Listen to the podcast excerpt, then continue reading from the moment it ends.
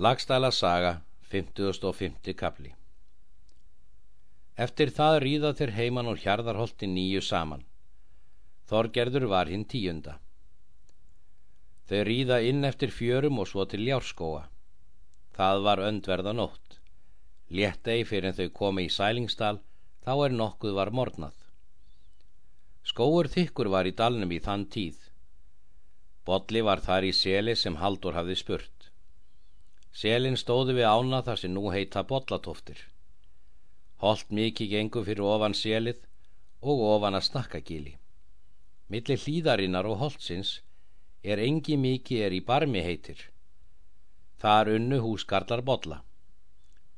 Þeir Haldur og hans förunautar riðu að Oksnagróf yfir Ránarvöllu og svo fyrir ofan Hamarengi. Það er gengt selinu. Þeir vissu að margt manna var að selinu stíga af baki og ætluð að býða þessir menn færi frá selinu til verks. Smalamaður Bodla fór að fjest nemmu morgunin upp í hlýðinni.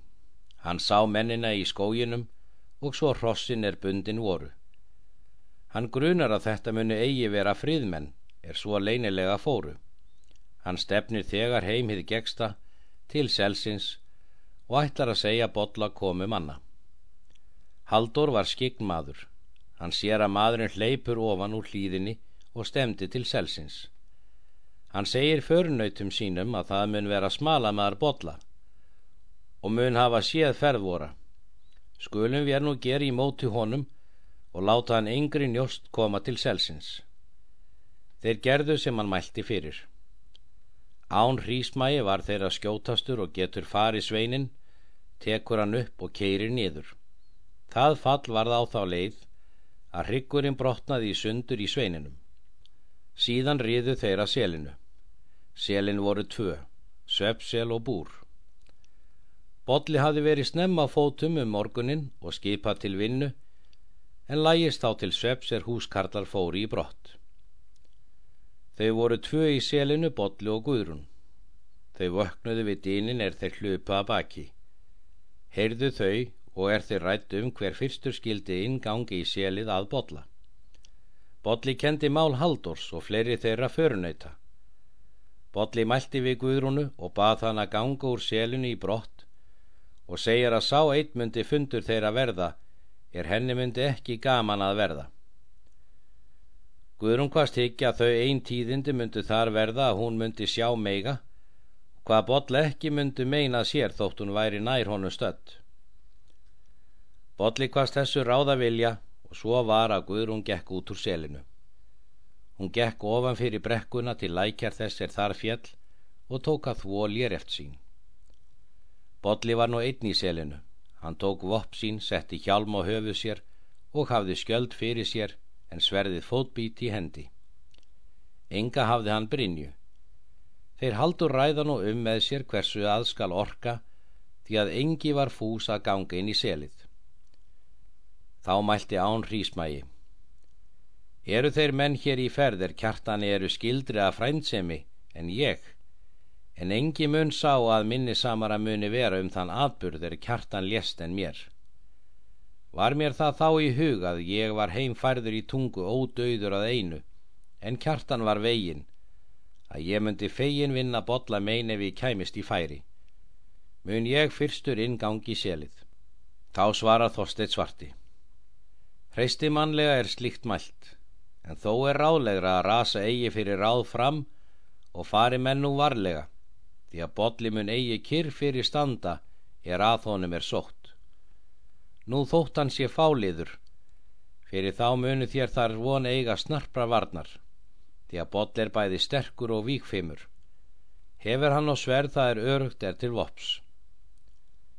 Síðan gengur án inn í selið hart og skjótt og hafði skjöldin yfir höfðu sér og snýri fram hinnu mjóra. Bodli hjó til hans með fótbít og af skjaldarsporðin og þar með klauf hann án í herðar niður. Fekk hann þegar bana. Síðan gekk lampi inn. Hann hafði hlýf fyrir sér en sverð brugðið í hendi. Í því byli kifti Bodli fótbít úr sárinu og bar þó af honum skjöldin. Þá lagði lampi í lær Bodla og var það mikið sár. Bolli hjó í móti og öxt lamba og rendi sverði ofana með síðunni. Hann var þegar óvígur og aldrei síðan varð honum höndin meinlaus meðan hann lifði. Í þessari svipan gekkin Helgi Harpinsson og hafði hendi spjóta er alnar var laung fjöðrin og járni var við skaftið. En er Bolli sér það þá kastar hann sverðinu en tók skjöldin tveim höndum og gekk fram að selstyrunum í móti Helga. Helgi lagði til Bolla með spjótinu í gegnum skjöldin og sjálfan hann. Bolli hallaðist upp að selsvegnum. Nú þustu mennin í selið, Haldur og bræður hans. Þorgerður gekk og inn í selið. Þá mælti Bolli. Það er nú ráðbræður að ganga nærin hér til. Hvaðst þess vænta að þá myndi skömm vörn. Þorgerður svara máli hans og sagði eigi spara þurfa að vinna ógrunsanlega að við Bolla bað þá ganga milli bóls og höfus. Bolli stóð þá ennu fyrir selsvegin og hjælt að sér kirtlinum að eigi hlipu út yðrin. Þá hljóp Steinþór Ólafsson að Bolla og hjó til hans með öksi mikill á hálsin við herðarnar og gekk þegar af höfuðið. Þorgerður bað hann heila njóta handa. Hvað nú Guðrúnum myndi eiga búum rauða skör Bolla um hríð. Eftir þetta ganga þeir út úr selinu. Guðrún gengur þá niðan frá læknum og til talsvið þá haldur og spurði hvað til tíðenda hafi gerst í skiptun þeirra botla. Þeir segja slíkt sem í hafi gerst. Guðrún var í námkirtli og við vefjar upplutur þröngur en sveigur mikill á höfði. Hún hafði nýtt um sér blæju og voru í mörg blá og tröf fyrir enda. Helgi Harpinsson gekka Guðrúnu og tók blæju endan og þerði blóð af spjótunu því hennu sami er hann lagði botla í gegnum með. Guðrún leið til hans og brosti við. Þá mælti Haldur. Þetta er íllmanlega gert og grimlega. Helgi bað hann eigi það harma. Því að ég hegg það, segir hann, að undir þessu blæju horni búi minn höfuðsbani.